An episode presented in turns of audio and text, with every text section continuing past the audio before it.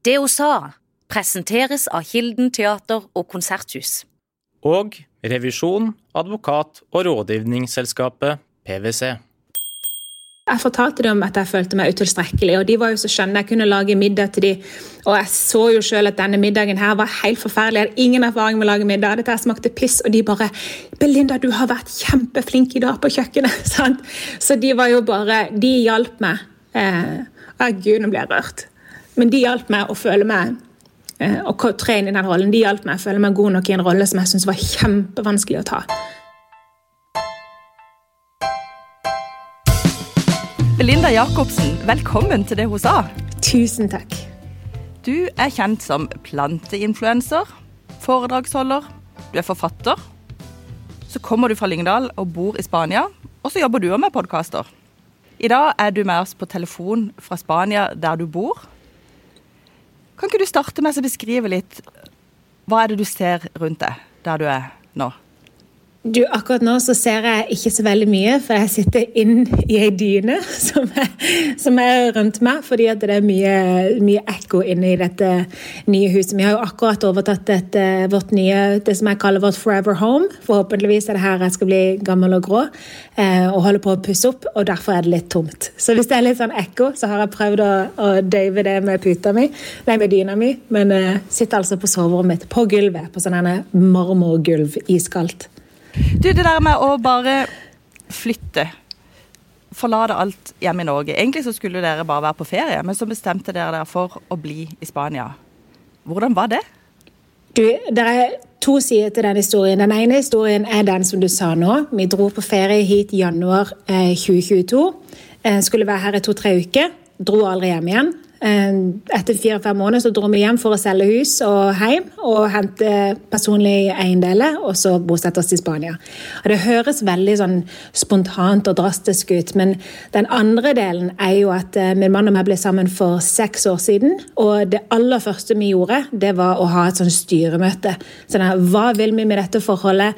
Eh, det var mitt aller første forhold, aldri vært i et, i et seriøst forhold før han, og det var hans andre. Han kom fra en skilsmisse, så han var veldig veldig liksom, ok, Hvis jeg skal gjøre dette her igjen, så skal det være all or nothing. Så da hadde vi et styremøte hvor vi gikk gjennom hva er det vi jobber for, hva er det vi egentlig ønsker å oppnå, hva vil vi egentlig med livet? Hvis vi skal tørre å tenke helt annerledes, hvordan har vi egentlig lyst til å leve? Og da var det veldig klart at vi ønska å leve varmt. Eh, vi ønska å jobbe lite, men ha fri økonomi. Sånne ting som nesten ikke eksisterer. sant? Jeg kom akkurat fra California og hadde forelska meg i det klimaet der. Eh, og han er opprinnelig fra Romania, og der er jo klimaet veldig likt som i Norge, men han har følt seg ikke helt, eh, helt hjemme i Norge. Så da fant vi en middelvei, og det var Spania. Så lasta vi ned en app på telefonen som heter Big Day. Og så sa vi ok, vi satte den appen på ti år. Innen ti år skal vi ha hus i Spania. Så sa vi opp jobbene våre og begynte å starte selskapet med, med det som mål. da. Så rakk vi det på eh, seks år, tok det, i stedet for ti. det er jo en stor beslutning. Eh, hva ligger bak sånne livsvalg? Altså Dere hadde et styremøte. Men med hvilke andre beslutninger måtte dere ta for å få til å gjennomføre det? Veldig mange små valg i hverdagen. Det er aldri de store valgene. Det er litt sånn som livsstilsendringer. Det er ikke den ene treninga eller det ene kostholdet eller den ene gangen du rydder i huset eller den ene gangen du kutter ut eh, nikotin. Sant? Det er alle de små valgene du tar hele tida. Eh, alle disse mikrostegene. Så for oss har det vært en, en livsstil. Vi har visst hele tida at det vi jobber for, det er å kunne ha et annerledes og et mer fritt liv eh, i utlandet i et varmt klima. Så, men bak det så ligger jo jeg tror det vanskeligste, eller den største utfordringa, var ikke nødvendigvis den fysiske jobben vi la inn. Vi har starta selskapet, vi har feila, vi har investert alt, vi har mista alt. Vi har stått i alt dette her. Vi har hatt kjempemye motstand. Det var ikke så enkelt som man skulle tro. Ehm, men vi måtte overkomme all frykten. sant? Egentlig den som har vært vanskeligst. Det har vært vanskelig å holde håp oppe når, når du plutselig du har endelig tjent opp bitte litt penger, du investerer alt, plutselig så er du en million i minus. Hva søren gjør du da? Og sånn kan du ha håp oppe om at det går an sant? å leve dette livet. Så det å ha håp og det å overkomme frykten av den knuten i, i, i i brystet som kommer noen ganger når du er skikkelig redd for å ikke kunne oppnå dine drømmer, når du virkelig har bestemt deg for å jobbe mot dem. Så det emosjonelle jobben den har, den har, vært den som har krevd mest i denne prosessen, tror jeg. Men hvordan klarer man å være gode kjærester når man står midt i en sånn prosess? Du beskriver at det var økonomiske utfordringer, det var frykt, det er alt det praktiske. Hvordan løste dere det? Jeg tror vi måtte huske å minne med hverandre på at det er oss to som gjør dette her sammen. Um, og vi to sammen har alle muligheter i hele verden hvis vi står sterkt. Hvis vi lar det som kommer utenfra påvirke vårt forhold, da har vi et problem.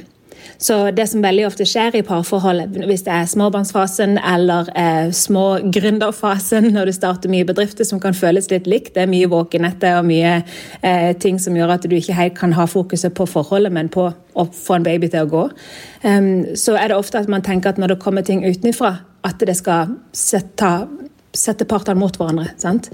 Men um, hvis du hele tiden minner, minner hverandre på at uh, vi, er, vi er, we're in this together. Det, vi, vi er, det er vi to sammen som skal løse dette her.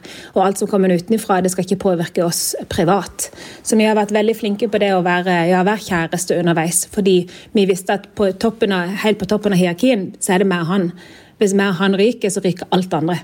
Det ryker selskapet, det ryker livsstilen, det ryker absolutt alt. Hvis ikke vi har han på plass. Så vi lovte hverandre at vi skulle være prioritet nummer én. Så vi har ukentlige date nights, koste hva det koste vil. Vi var på date her for et par lørdager siden, og da var det en sånn dag hvor han irriterte meg grenseløst. Og jeg visste at jeg irriterte han, og det siste jeg hadde lyst til, var egentlig å stelle meg opp og gå ut og spise middag og holde henne og snakke om kjærlighet. sant? Men vi gjorde det, og det ble den fineste kvelden. For dette, da kan vi bare være så ærlige og si det som det er, at fy søren, i dag har du irritert meg litt litt. Så det er OK. Back at you. La oss snakke litt om det. Sant? Så det å hele tida komme sammen, det har vært eh, veldig, veldig viktig for oss. Det med å ha økonomisk frihet til å kunne gjøre hva man vil, det tror jeg mange drømmer om. Så kan det være ulike ting man har lyst til å bruke mm. den friheten til. Men hvis du skal gi noen råd til noen, sånn litt sånn konkret, hva, hva kan man gjøre for å få den økonomiske friheten? Jeg tror aller først at du må definere hva det betyr for deg. Eh, for noen så er økonomisk frihet å kunne reise på luksusreise og kjøpe mye dyre væsker og leve sånn. For meg så har økonomisk frihet alltid betydd at jeg kan gå på matbutikken og kjøpe den maten jeg ønsker. Eh, fordi jeg kommer fra eh, trange kår og har hatt det trangt i hele mitt liv. Og har alltid måttet sjekke kontoen før jeg går inn og inn på matbutikken. Og må, må middagene bestemmes ut ifra hvor mye penger som er på konto. Så for meg så var det, det var mitt ultimate mål. Det var der jeg ville finne min frihet. Alt over det, alt dette, det er bare en bonus. Så det første folk må definere, det, det er hva er denne friheten for deg? Og hvordan vil den føles? Og så må du se om du, kan, om du er interessert i å for veldig mange f.eks. ønsker å gå ned i vekt, eller de ønsker eh, Jeg tar dette med vekt, f.eks., for, eksempel, for veldig mange kjenner seg igjen i det. Mange ønsker å gå ned i vekt, men det er ikke så mange som ønsker å gjøre jobben for å gå ned i vekt. sant? Så det er der vi må være litt ærlige med oss sjøl. Hvis du ønsker denne friheten økonomisk, er du villig til å gjøre jobben som hører med? Så kan du identifisere deg med sluttresultatet. Kan du identifisere deg med den versjonen av deg som gjør denne jobben. sant? Så for eksempel så ønska jeg i mange år å være en løper. For at jeg skulle kunne løpe en mil når jeg ville, så måtte jeg løpe nesten hver dag for å holde det ved like. Så jeg måtte ikke spørre meg sjøl om jeg kunne identifisere meg sjøl med å være ei dame som kunne løpe en mil én gang. For det er easy. Men kunne jeg tenke meg å være den personen som står opp fem dager i uka for å løpe? Uansett vær, uansett hva som skjer i livet mitt. Og da kjente jeg at svaret på det, det er nei. Da var ikke jeg villig til å gjøre den jobben. sant? Eh, og det, Da la jeg fra meg den, og så fant jeg en annen drøm. Eh, og jeg tror det er det som er så viktig med dette her med økonomisk frihet, eller det å drive egen bedrift, eller det å endre livet sitt på noen som helst måte.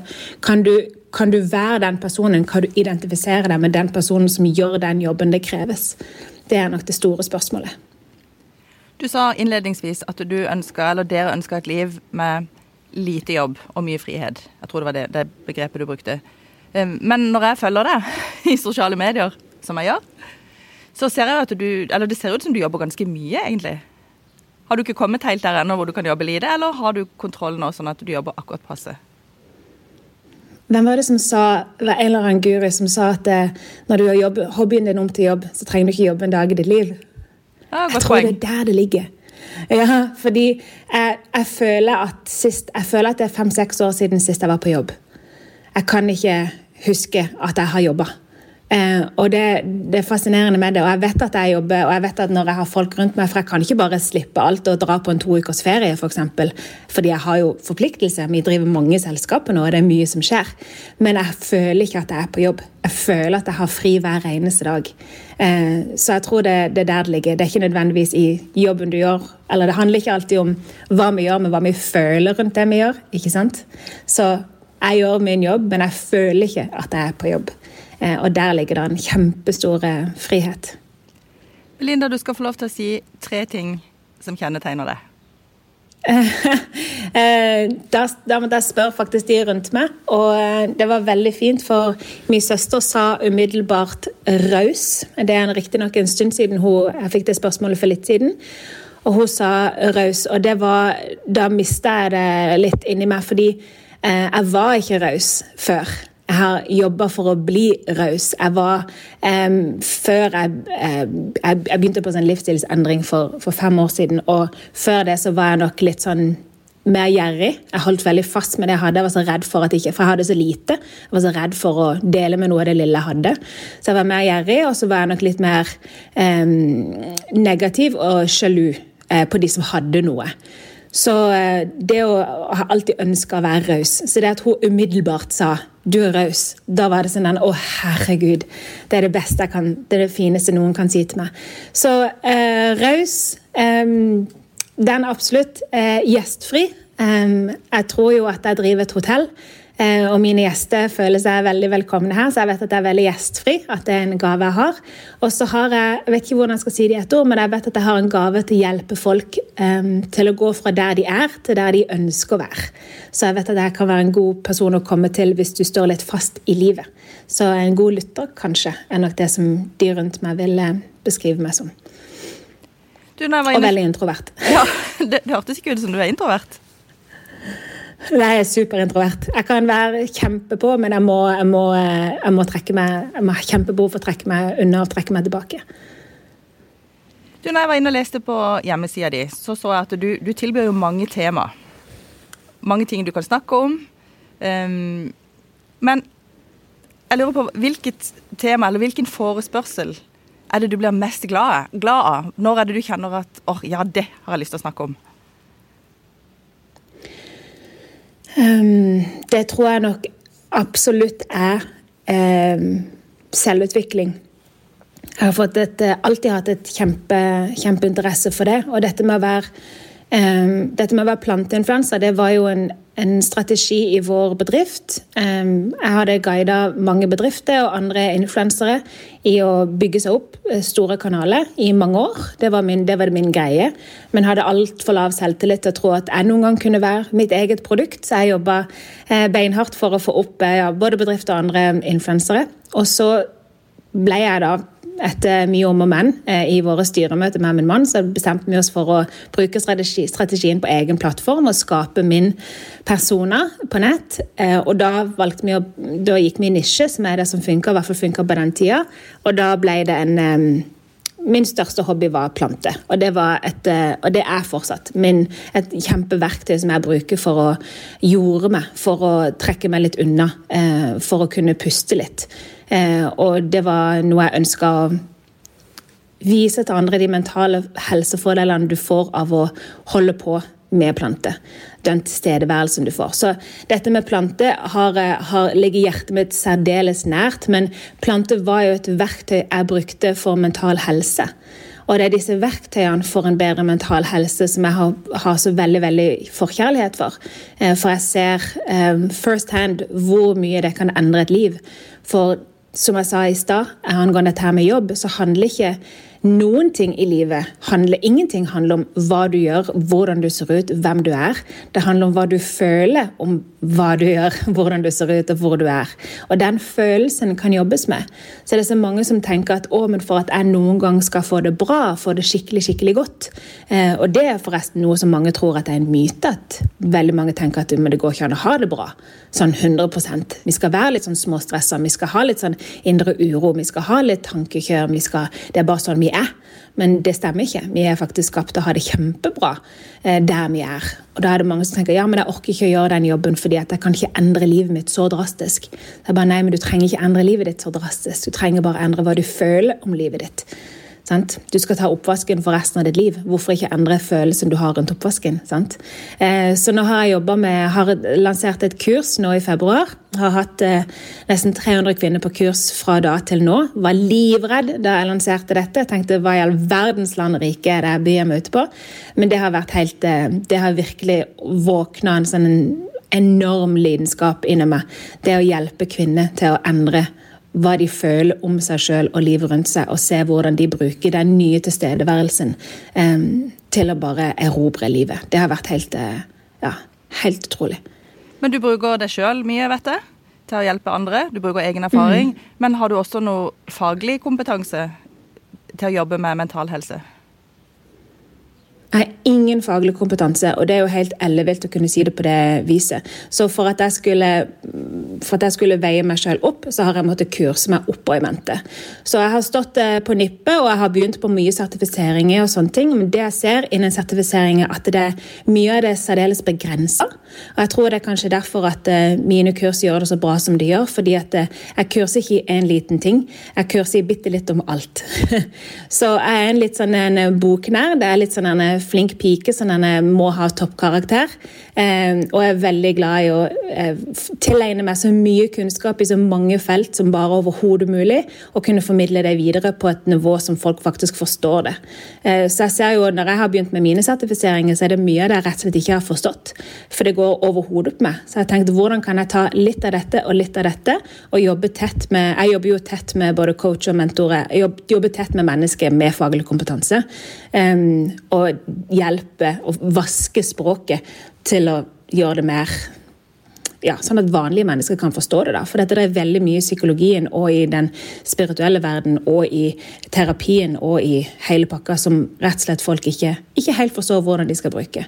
Så det som egentlig ble sett på som min um, en, en, negativ side, at jeg ikke er sertifisert, at jeg ikke har den faglige kompetansen, det tror jeg faktisk er min aller største styrke i, i det jeg gjør.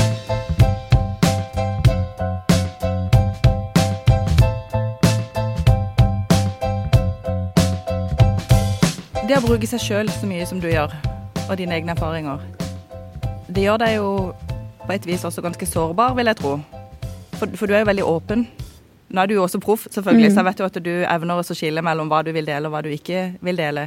Men like fullt, så, sånn som jeg ser det iallfall, så deler du jo mye personlig. Hvordan har det vært, på godt og vondt?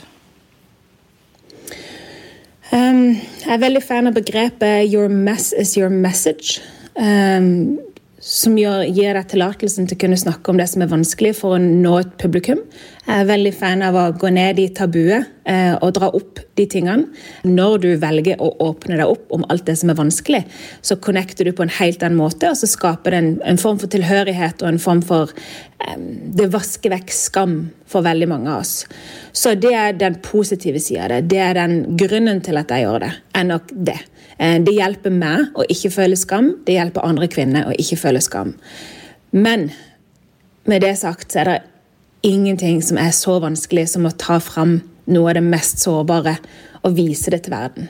De fleste av oss jobber jo hele livet med å skjule sider. Det er mange sider selv vi prøver å beskytte. og for Gud, Hvis noen kommenterer til deg om nå oppfører du deg sur, er du sur, eller, eller herregud, hører sjalu ut, så det bare, går vi rett i krangel og bare nei. Vi er jo de siste som ser våre egne negative sider. sant? Vi gjør alt det vi kan. Skammen vår er helt Han jobber alt han kan for å, for å skjule visse sider av oss. Så det å ta de sidene frem i lyset, det det er forferdelig. Så jeg har grått eh, jeg har gjort noen intervjuer både på live, på, både på God morgen Norge, på TV 2, hvor jeg har stått stødig og snakka sånn som jeg snakker nå, og det sekundet kameraene av, så gråter jeg meg tom. Fordi at det er så, det er så tungt å gjøre det der. Det er så flaut, det er så ubehagelig, det er så eh, vondt. Og jeg har så mye dårlig samvittighet for meg sjøl òg.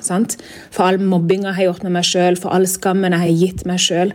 Så jeg måtte tilgi meg sjøl litt i den eh, prosessen. Så det, det er kjempetøft. Det er veldig, veldig krevende, men veldig frigjørende samtidig. Men så har jeg skapt en plass i livet mitt, i forholdet mitt, i ekteskapet mitt, i forholdet mitt med mine søstre, med mamma, med mine venninner, hvor når jeg logger av alt og kommer til de, helt naken akkurat som er, så holder de meg. Og det, det, er noe, det, er det fineste jeg har i livet mitt. Jeg har de fineste folkene rundt meg. Vi er alle bare en sånn alle vi har gått fra å være sånn denne bitre, sure eh, eh, kontrollfrike til å gjøre, liksom, bruke disse mentale verktøyene. Vi er blitt så fan, og alle vi er bare sånn en åpen, lykkelig, fri gjeng som ja, nei, det, det, det, er helt utrolig. Det er helt sånn tullerusk å se når vi samles nå, hvor, hvor stor endring vi har, eh, vi har hatt. Du jobber jo litt med andre influensere også. Det har du jo gjort lenge. Så vet jeg at du også mm. har vært tett på noen av de som har vært gjester i det hun sa tidligere, bl.a. Raluca med 'Vask med meg', og Monica Nyhus, som mm. også er influ influenser, mm. og Therese Alvseike, kom komiker.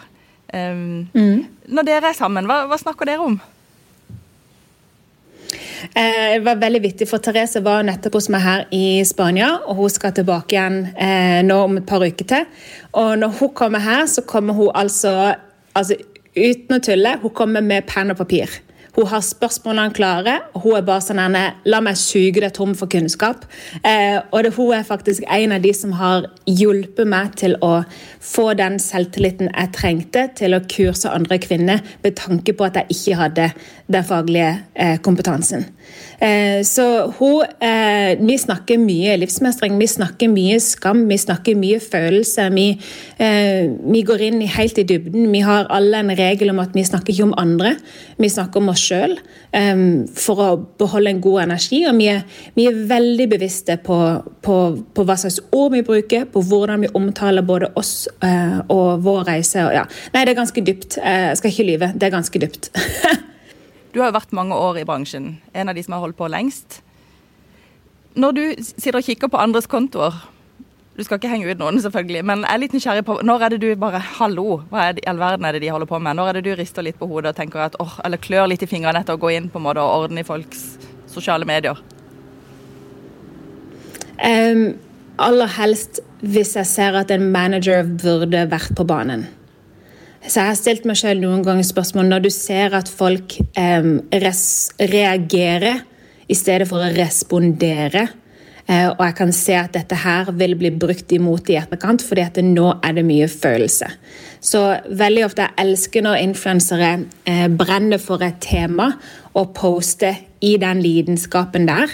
For da er det reagering fra hjertet. Men når, hvis de blir tatt for noe, og de reagerer i respons, i en fryktrespons, så går vi veldig ofte i angrep mot andre. Og der kan jeg se noen ganger at oi, her burde det vært en manager på banen. Um, Sjøl så har jeg et fantastisk team som har passa på meg og lært meg det fra, fra, ganske tidlig av. At hvis jeg blitt tatt i en storm eller et eller annet, eh, så skal jeg holde meg helt stille. Jeg skal ikke ut der og prøve å forklare meg eller prøve å angripe andre. Og det er jo det veldig mange gjør. De, I stedet for å gå inn og, og uh, reflektere, så går de ut for å angripe. Det er jo en sånn menneske, menneskegreie. Eh, så der kan jeg se noen ganger at oi, shit, her, har, her skulle jeg ønske det var en manager på banen, ja. Og det er jo en fin ting som ikke så mange er klar over. for Folk ser liksom, de ser min kanal, eller Mor Therese sin kanal, eller Monica Nyhus sin kanal, eller Raluca sin kanal. Men vi er jo alle sammen, vi har jo et fantastisk team rundt oss, og de blir ikke så ofte sett, for de har ikke lyst til å bli sett. Men grunnen til at min eh, profil er så bra som den er, det er fordi jeg har ei dritkul dame på PR og ei dritkul manager, og har en dritkule folk som passer på mitt ve og vel. Hva er det du ser etter hos andre når du på en måte oppdager noen som du tenker at yes, her er det et potensial? Autentisitet. At, at, de snakker fra, fra, hjertet. Mange ønsker å kopiere andre. Der tror jeg aldri man vil ikke komme noen vei. Eh, men når du, snakker, når du kommer fra lidenskap, da er du det, det kan, Jeg elsker mennesker som har en eller annen form for lidenskap. Det, om det er astrologi eller om det er å legge asfalt har du lidenskap for noe, så er det veldig fascinerende og fint å sitte og høre på. Og det, jeg har hatt et par sånne rants på min Snapchat hvor jeg har glemt meg litt bort og begynt å snakke om Jeg har to rants. Den ene var på, med trykkeblyant. Jeg er veldig fan av trykkeblyant. Har samla på trykkeblyant mitt hele mitt liv. Og så var jeg ganske langt inne i en story hvor jeg viste frem forskjellige trykkeblyanter før jeg skjønte hva i all verdens land og rike jeg driver med. sant? Ingen bryr seg om dette. Men det ble en story som ble så mye sett og så mye kommentert. Og nettopp fordi at det var Det var en lidenskap. Og det samme her hvis jeg viser fram noe servise, som jeg har en kjempefetisj for servise og kopper og kar. Jeg elsker det. Hvis jeg viser fram sånne ting, så får jeg veldig mye kommentarer på at dette var fint å høre på. Jeg driter i servise, men dette var fint å høre på. Du, Vi skal bytte litt grann tema. Eller egentlig ganske mye. Ja. Noe av det du har snakka offentlig om, er dette med barn. Du har tatt et aktivt valg om ikke å få barn selv. Men jeg vet at du har en bonusfamilie eller bonusbarn. Hvordan har det vært å snakke offentlig om det temaet? Det er veldig fascinerende, fordi det er mange som sier det at eh, når var det du tok dette aktive valget om å ikke få barn? Men jeg har jo ikke gjort noen ting. Eh, det er jo andre som tar et aktivt valg om å få barn. sant? Eh, og bare det å ha sex uten prevensjon, da tar du et aktivt valg om at nå er jeg klar for å bli gravid. Eh, når du velger å beholde barnet i disse moderne tider vi lever i, så er jo det faktisk et valg for de fleste. Så velger du jo aktivt å bli mamma. Og jeg tror det er det at jeg har aldri, kommet, jeg har aldri tatt et aktivt valg om å bli mamma. Jeg har bare vært med. Eh, og mange tenker også at eh, å, men liksom, hvordan, hvorfor liker du ikke barn? Men jeg elsker barn. Jeg kommer fra en kjempestor familie. Jeg har masse barn i livet mitt som, som er veldig viktig for, eh, og de er viktige for meg. Men jeg har aldri ønska, har aldri kjent på det behovet om å være mamma. Jeg har ikke lyst til å sette et barn til verden bare for å se hvordan det vil føles. Jeg er veldig all in. Jeg, jeg, liker å gi hele sjela mi til det jeg gir. Og når jeg aldri har kjent på et behov om å bli mamma, så syns jeg ikke at jeg skal bli det. rett og slett. Det jeg tenkte som liten, at det kommer sikkert til meg en eller annen dag så våkner jeg opp og har lyst til å bli mamma. På lik linje med alle andre. Men det kom bare aldri til meg.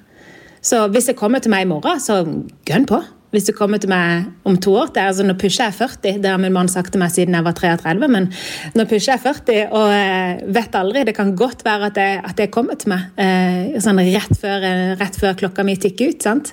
Eh, så vi får se. Det blir spennende å se. Jeg er nesten litt sånn nysgjerrig på om, om jeg har jeg det bare meg, eller ja. Så fram til jeg får den overveldende følelsen om å bli mamma, så, så unngår jeg det. Og så er jeg heller til stede for de barna som jeg har i livet mitt. Ja, for du har noen bonusbarn i livet ditt. Og det er mange som er bonusforeldre, både i tillegg til egne barn og ja, en generell bonusfamilie. Det er mange varianter, heldigvis, vil jeg si, av familier. Kan du dele noe av din erfaring med å være det? Mm. Nå har jeg vært eh, heldig på det viset, fordi jeg sier til alle at eh, jeg har fått de to mest veloppdratte bonusbarna som verden har sett. Eh, de tok imot meg med åpne armer fra dag én. Eh, altså Første dagen jeg møtte dem, så sa min mann 'gå og gi stemora deres en klem'. Og jeg var helt sånn, jeg ble kjempestressa, og de bare løp mot meg. ok!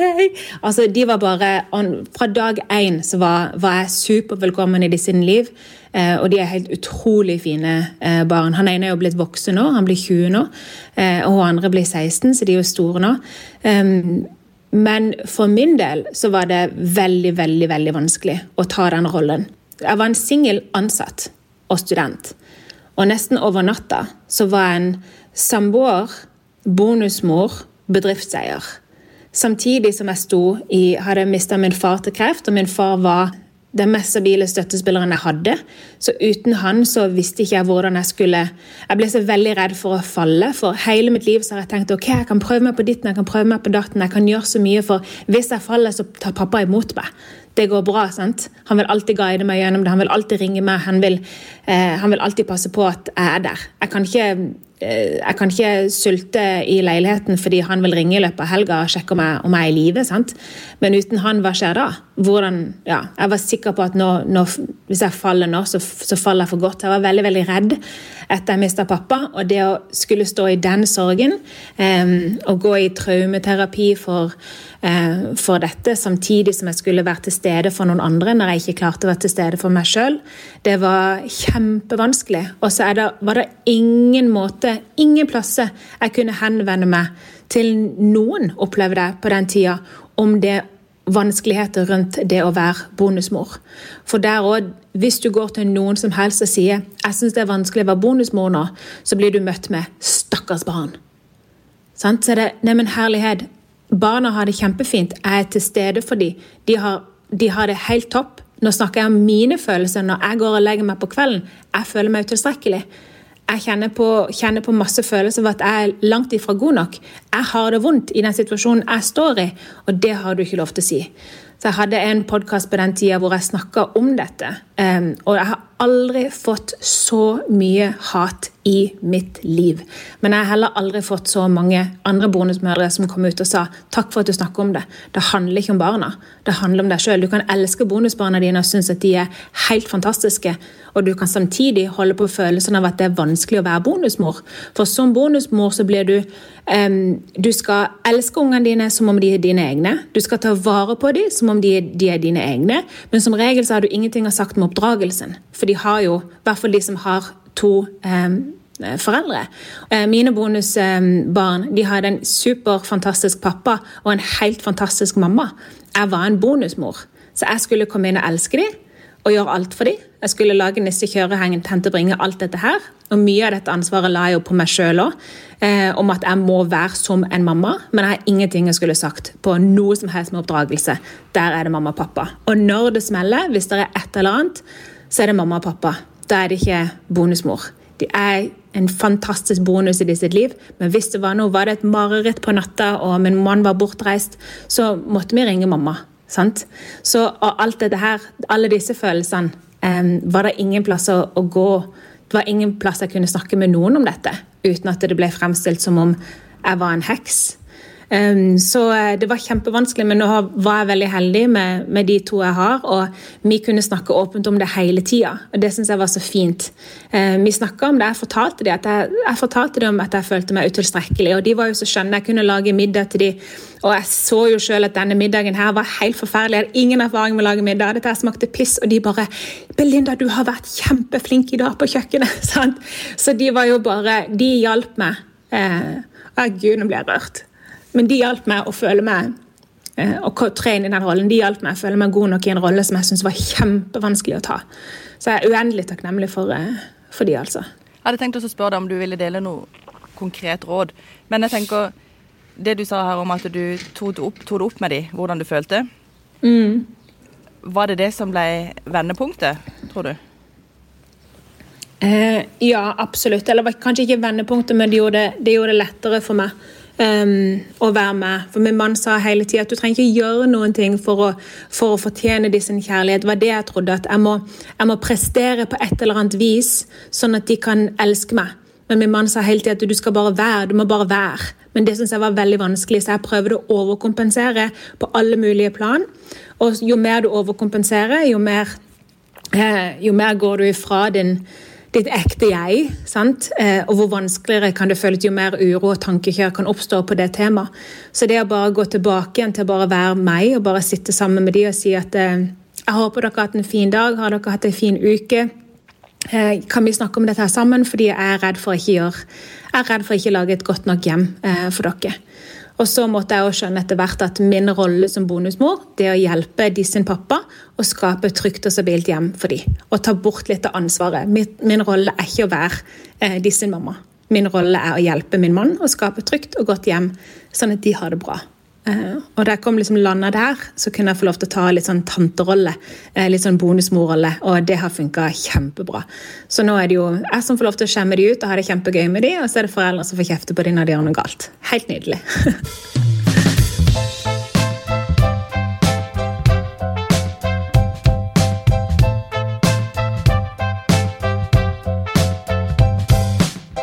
Mens vi er i litt sånn vanskelige tema, så hopper jeg rett til det neste litt vanskelige skal vi heller runde av med noe litt lettere. For mitt neste stikkord er egentlig alkohol. Um, det handler om at du også her har valgt å være åpen. Jeg googla Belinda og alkohol, og det kommer jo opp ganske mange intervjuer der du har snakka om det, også hos oss i Fjellandsenden. Hvilke beslutninger ligger bak det at du valgte å snakke offentlig om alkoholproblemet? Det kom fra um, et konsept som jeg lærte i, på min selvutviklingsreise, som heter skyggearbeid, shadow work, utvikla av en psykolog i Sveits på 1970-tallet. Som handler om dette med å gå inn der, der du skammer deg, eh, og fjerne det som ligger der, og ta det fram i lyset. Um, og du kan se for deg at um, du kan nesten, Hvis du ser for deg et menneske full i skam Et menneske full i skam har problemer med tilstedeværelse, har mye tankekjør, har mye uro, har kanskje ikke så stor utstråling. Eh, mitt mål eh, var å bli et menneske som er fritt. Jeg ønsker å være, ha maks utstråling, jeg ønsker å kunne se folk inn i øynene, jeg ønsker å ha tilstedeværelse, jeg ønsker å kunne kjenne på ja, det å bare være. Eh, og da visste jeg at jeg må nødt til å jobbe med eh, skyggearbeid. Og der lå den alkoholen. Så det første jeg gjorde, var å ta det opp med de rundt meg, jobbe med det sammen med en coach i tillegg. Og så visste jeg jo at her står jeg foran over 100 000 mennesker hver eneste dag. Og hvis jeg går og bærer på dette, så skal jeg love det til mange andre som går og bærer på det. Så tenker jeg at hvis jeg har en idé om at livet skjer for, da er jeg ikke imot det. Så hvis livet mitt skjer for meg, hvis jeg ble sendt dette, er det en grunn til det? Er det en grunn til at jeg går og bærer på en sånn skam og har en så stor plattform? Um, jeg tror det. Så da valgte jeg å, å, si det, å, si det, høyt og stå i det. Det var kjempetøft. Dette var en av de periodene hvor jeg eh, gråt veldig veldig mye og måtte minne meg sjøl hele tida på hvorfor jeg gjør dette her. Men jeg har en kjempedyp kjærlighet til, til kvinnene mine. Altså Mennene òg, selvfølgelig, men det er jo mest kvinner som følger med. Og det å kunne si til de at eh, hvis du sitter der med en skam, hei, her er jeg med min. Eh, og hvis vi sammen bare kan løfte bort skammene våre, så kan vi være, bli mye mer tilstedeværende kvinnfolk, hele gjengen. At vi er igjen samme tema, samme eh, motto som jeg har for meg min mann, at det er meg min mann, vi er sammen om dette. Eh, det samme har jeg med meg og mine følgere, vi er sammen om dette her. Hele vi, vi er jo sammen her på jorda, bare, og det eneste målet vi har, det er jo bare å ha det godt. Så kan vi ikke hjelpe hverandre til å få det litt godt. Så da tenkte jeg fuck it. Og så ble det til den mest leste saken på både TV 2 og VG. Og det tyder jo på at det er mange som står i, i samme situasjon, da. Jeg likte beskrivelsen din av tilstedeværende kvinnfolk. Det vil vi òg ha. Men hva slags, respons, ja. hva slags respons var det de ga deg? Nei, Det ble jeg òg kjempeoverraska For jeg tror eh, jeg fikk ikke en eneste negativ en. Og jeg kom jo fra en, eh, en litt mer religiøs bakgrunn i Lyngdal. Eh, I min ungdomstid var mye der og var, var til og med litt nervøs for hva med jeg har ikke så mye kontakt med de lenger, men hva vil de fra menigheten tro om meg? sant? Samtidig som alle disse, alle mine party people fra, fra Kristiansand, hva vil de tenke om meg? sant? Og vil de begynne å tenke gjennom hver eneste fest vi har vært på? Hva med familie? Hva med foreldre til mine bonusbarn? Og, sant? Hva hvis ikke de får lov til å ha med seg venner hjem til oss lenger? Alt dette her. Men ikke én negativ tilbakemelding. Ikke én. Det var bare masse takk. Og det var mange som, Fordi jeg representerte den gråsona som ikke så ofte blir snakk om. For som ofte så er det snakk om eh, alvorlig alkoholisme eller f.eks. alvorlig spiseforstyrrelse eller alvorlige eh, problemer med et eller annet. Men det er ikke så ofte det blir snakka om denne gråsona, når du bruker noe usunt som et verktøy for å føle deg annerledes. Sant? Om det er mat eller sjokolade eller alkohol eller nikotin. Eller, sant? Så det å representere den gråsona, der var det mange som kjente seg igjen. Så det var utelukkende et hav av, eh, av overveldende positivitet. Det er jo ikke sikkert alle har et bevisst forhold til, hvordan, til eget drikkemønster. Men hvis du skal beskrive den gråsona, som kanskje mange befinner seg i. Hvordan er den? Eh, når du har behov for å skjule noe, så er du i gråsona. Så om, det, om du skjuler det Om det er ja, mat, Hvis det er noe du har behov for å skjule, da er du i gråsona. Det er på en måte den måten du kan finne ut om du har et usunt forhold til det eller ikke. Men nå er det jo snart sommer, vi er mer ute, vi griller, vi er sosiale. Og det er veldig mange settinger hvor alkohol for mange naturlig hører med. Går det an å, å, å, si noe til alle de som kanskje er på vei inn i den gråsona, eller som ikke vet at de er der? Som kan kanskje bidra til å forebygge at de får et alkoholproblem? Ja, jeg tror jo mer til stede du kan være for deg sjøl, jo lettere blir det. For vi mennesker, vi har en sånn eh, For at vi skal overleve evolusjonsmessig, så ønsker vi tilhørighet. For å oppnå tilhørighet så gjør vi ofte veldig mye dumt for å passe inn. Um, fordi at vi er rett og slett redd for, å, vi er redd for avvisning. Vi er redd for at, skal, at, flokken skal avvise oss, at vi er helt alene. Hvordan skal vi da jakte ned mat og hele pakka? Sant? Men nå er vi jo i 2023, og maten finnes på Kiwi. Uh, og vi kan dermed slippe opp disse tingene vi gjør for å, bare for å passe inn, og jobbe heller med litt mer tilhørighet til oss sjøl. Så hvis vi kan bare kan være klar over at i dag skal jeg inn i en situasjon hvor jeg kommer til å kjenne på behov for tilhørighet. Jeg kommer til å ha lyst til å drikke vin fordi at alle de andre gjør det. Fordi at evolusjonsmessig så sier min kropp til meg ikke skill deg ut, men prøv å passe inn. Og det er Bare det å være klar over det og det å si til deg sjøl at vet du hva, i dag skal jeg gjøre det som er godt for meg. I kveld skal jeg legge meg med en følelse av at jeg har vært til stede for meg. Og Hvis det betyr at du har lyst til å ta én øl eller to øl, eller bare drikke kombucha eller bare vann, så er alt det ok. For tilbake igjen til sånn som vi snakka om tidligere, det handler ikke om hva du gjør, men hva du føler rundt det du gjør. Sant? Så det å kunne leve på en måte hvor du er tro mot deg sjøl og til stede for deg sjøl, sånn at du kan føle deg godt i det du gjør, det er nok nøkkelen. Så gi deg sjøl et løfte før du går inn i situasjonen at i dag skal jeg oppføre meg på en måte som gjør at jeg føler meg bra med å være meg. Det er det løftet jeg gir meg. Og da blir du automatisk en ti ganger bedre person for alle de rundt deg, og du blir eh, Altså, alle dine handlinger automatisk gir andre tillatelse til å kunne kopiere dem. Så du vet aldri hvem som har behov for å se deg ja, sette deg sjøl først. da. For dette, du gir andre automatisk tillatelse til å gjøre det samme. Men når du gjør disse refleksjonene, eller bruker den metoden, hvis jeg kan kalle det det, Gjør det at du nå kan gå inn i en sosial setting og ta et glass vin, og så blir det med det? Eller er du kommet der at det er ikke bra for deg, så du dropper alkohol helt? Det kommer helt an på dagsformen. Jeg måtte gå inn og se hvor mitt oppsto. Eh, og mitt eh, problem med alkohol det oppsto i en ganske ung alder, da jeg eh, følte at jeg måtte drikke for å bli gøyere. Fordi at andre syntes jeg var kjedelig.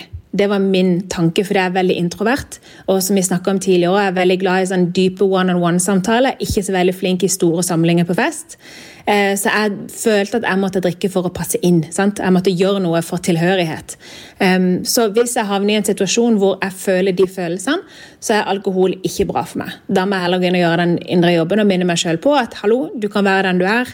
Det er helt greit. Eh, men hvis jeg er i en helt fri setting hvor jeg ikke har de følelsene, og bare er med mennesker jeg er veldig veldig trygg og god på, så er det ingen problem for meg å ta et glass vin. Fordi at jeg var aldri Jeg, hadde, jeg var i gråsona, men det er vanskelig. Det er skummelt for meg å si høyt at det, at det er flere settinger hvor det er ingen problem for meg å ta et glass vin. Fordi jeg har opplevd mange andre som har alvorlige problemer med alkohol, som tenker at hvis Belinda kan drikke nå, så kan jeg òg. Det er derfor det er så veldig viktig å gå inn og gjøre den mentale jobben for å, å bli tro mot deg sjøl og handle på dine premisser, ikke bare kopiere andre sine. Belinda, jeg tenkte vi skulle gå over på faste poster. Og en fast post vi alltid har, det er en fremsnakk. Du skal få lov å fremsnakke noen som du syns fortjener å bli løfta fram. Ja, da min umiddelbare eh, reaksjon der, eller eh, respons på den, er jo hun Må Therese som jeg snakka om tidligere. Eh, fordi at i den fasen jeg står i i livet akkurat nå, så, hadde, så, hadde, hun en kjempestor effekt. Jeg har jo som sagt begynt å lansere mine egne kurs og måtte overkomme mye frykt og usikkerhet og overkomme utilstrekkelighet og alle disse her forferdelige følelsene som vanligvis holder, holder oss tilbake igjen fra å satse på ting. Eh, og hun fløy ned til Spania her og ga meg så mye tro på meg sjøl som jeg aldri har hatt før i mitt liv. Eh, uten, å, uten, å, gjøre det med vilje engang. Så, eh, så jeg vel, kjenner på en enorm takknemlighet for at hun har eh, gitt meg den, den troa på meg sjøl som, som, jeg virkelig trengte i det siste. Er det et ord eller et uttrykk du kunne tenke deg at vi bare kvitter oss med? Prøve. Fortell. Jeg skal prøve å slutte å røyke. Jeg skal prøve å slutte å spise sukker. Jeg skal prøve det ene, jeg skal prøve det andre. Hva om vi heller bare gjør det? Hva om vi heller sier Det er en hypnotisør som forklarte at du kan, eh, hei, du kan liksom hypnotisere din egen hjerne med å bruke ordene 'jeg velger', i stedet for 'jeg skal prøve å slutte når du sier jeg skal prøve å slutte å spise sukker, det du egentlig sier er at jeg tror egentlig ikke jeg kommer til å klare det, så jeg helgarderer meg med å bruke ordet prøve, sånn at jeg har noe å falle tilbake på. Og da har du satt opp for failure med en gang. Men hvis du heller sier jeg har vist tidligere at jeg ikke har fått det til, men jeg velger allikevel å kutte sukker fra meg i morgen. Det å bruke ordene 'jeg velger', det, har, eh, det kan ta deg ut ifra hvilken som helst situasjon. Jeg sover lenge hver eneste dag. Jeg velger likevel å begynne å stå opp tidlig. Jeg har vist tidligere at jeg aldri har klart å gjennomføre trening over tid. Jeg velger likevel å begynne å trene igjen. Jeg har, eh, ja, så det å heller bytte ut ordet 'prøve' med 'jeg velger', det kan ha en stor effekt. Det å være gründer, det er ganske tøft. Vi har hatt en del gjester her i det hun sa som har fortalt om utfordringer, egentlig både oppturer og nedturer. Men det som går igjen, er jo at det er steinhard jobbing, og at man må tåle å gå på noen smeller underveis. Du har jo bygd deg opp sjøl. Hvordan har det vært? Eh, beinhard jobbing og steintøft. ja, det har vært alt det. Eh, og veldig, veldig gøy. Men eh, jeg tror eh, frykten for å feile er mindre enn frykten for å ikke prøve. Jeg er så livredd for å stå stille, jeg er så livredd for å ikke være eh, jobb og leve i takt med den personen jeg egentlig vil være. Um, så derfor har det vært veldig lett for meg å, å, å bare gønne på å prøve. Og så har jeg visst hele veien at uh, livet skjer for meg, det skjer ikke mot meg. Hva mener du med så det? hvis jeg går på en smell, så er det Jeg mener at um, At hva hvis vi hva hvis, vi, hva, hvis, hva hvis alt det som skjer, skjer for en grunn? Hva hvis du møter motstand fordi at du går i feil retning, fordi at du blir tvunget til å tenke nytt? Hva hvis du eh, går, mister alt du har fordi at du må lære å være ydmyk? Hva, og kjenne mer på takknemlighet? Hva hvis eh, du skal stå i store kamper for å kunne lettere møte andre i de kampene de står i? Hva hvis ikke alt er 'å nei, stakkars meg, nå er verden imot meg'? Hva hvis verden heller skjer for deg? Jeg tror alltid at jeg blir guida litt, da. Så når jeg går på en smell, så var det ok, nå er det tydelig bevis på at her er det noe jeg skal lære av denne situasjonen, i stedet for å grave meg ned og synes synd på meg sjøl. En av mine favorittforfattere heter Edith Eager, skrev sin første bok da hun var 91. Hun skrev boka The Choice, som er en bok jeg anbefaler alle i hele verden å lese. Eh, og Der sier hun at du kan velge om du vil ta eh, lederrollen i livet ditt eller offerrollen i livet ditt. Og når du lever under en tro om at verden skjer for deg, så tar du lederrollen. I stedet for å bare legge deg ned og synes synd på deg sjøl og tenke at verden er imot meg. Jeg ser jo at du eh, snakker mye om det å ha det bra og ha det dårlig. Og jeg ser også at du er åpen om at du innimellom, til tross for at du har fått denne kunnskapen, innimellom så kommer du litt ned i mørket der allikevel. Eh, og det gjør vi jo for så vidt alle sammen, vil jeg tro. Eh, men har du funnet det ene verktøyet som du vet virker, som kan ta deg opp igjen de dagene, litt sånn konkret? Eh, nei, for jeg tror ikke det handler om å bare ha det bra.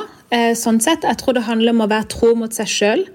Og jeg tror at eh, problemene kan rett og slett oppstå hvis du hele tida prøver å ha det bedre.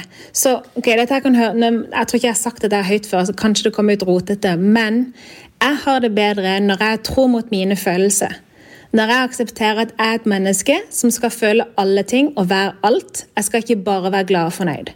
Så når jeg er sur og kjenner at vet du hva, i dag aksepterer jeg at nå er jeg sur. Jeg sier til min mann vet du hva, jeg er sur i dag. Han bare 'Å, herregud, ja. Ser jeg det? Liksom, gjør, gjør hva du vil. sant? I stedet for å bare prøve. Nei, jeg har det fint. Så fordi om jeg f.eks. i dag så er jeg litt sånn smågretten uh, og uh, litt uh, sliten. sant? For et år siden så hadde jeg kjempa alt jeg kunne imot den følelsen. Jeg hadde stelt meg opp, jeg hadde lagt planene, jeg hadde prøvd å vise verden at I'm on fire, I can do this. sant? Overkomme denne her, bare grav deg ut av denne vonde følelsen. Men i dag så tenker jeg, vet du hva? I dag er jeg litt smågretten og sliten. This is who I am today, og det er helt greit, for jeg er et menneske og jeg er skapt til å ha alle følelsene. Og det er ikke noe galt i det. Så da blir ikke den følelsen så vond. Da blir, er han bare det han er, hvis det gir noe mening. Ja, jeg klarer ikke å la være å le litt når, du forteller meg at i dag er du litt smågretten. Når jeg ser det nå, så sier du og smiler, og du det med en dyne over hodet. Men akkurat dette her er jo veldig hyggelig. Akkurat dette her er jo veldig, veldig hyggelig.